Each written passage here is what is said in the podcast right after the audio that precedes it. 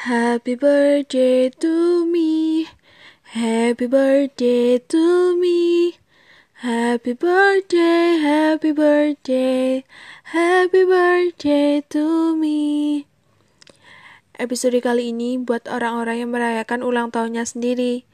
Aku yakin gak semua orang diberi ucapan, dikasih kejutan, dan dirayakan ulang tahunnya. Dan kita tahu, kita punya temen yang sibuk dengan urusan masing-masing, padahal kalau mereka ulang tahun kita ingat. Dan kita punya keluarga, but maybe they forget. It's okay, that's not the end of our lives, right?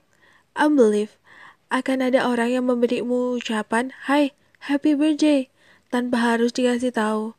Akan ada orang yang memberimu gift, tapi kamu tahu, the most beautiful gift is prayer.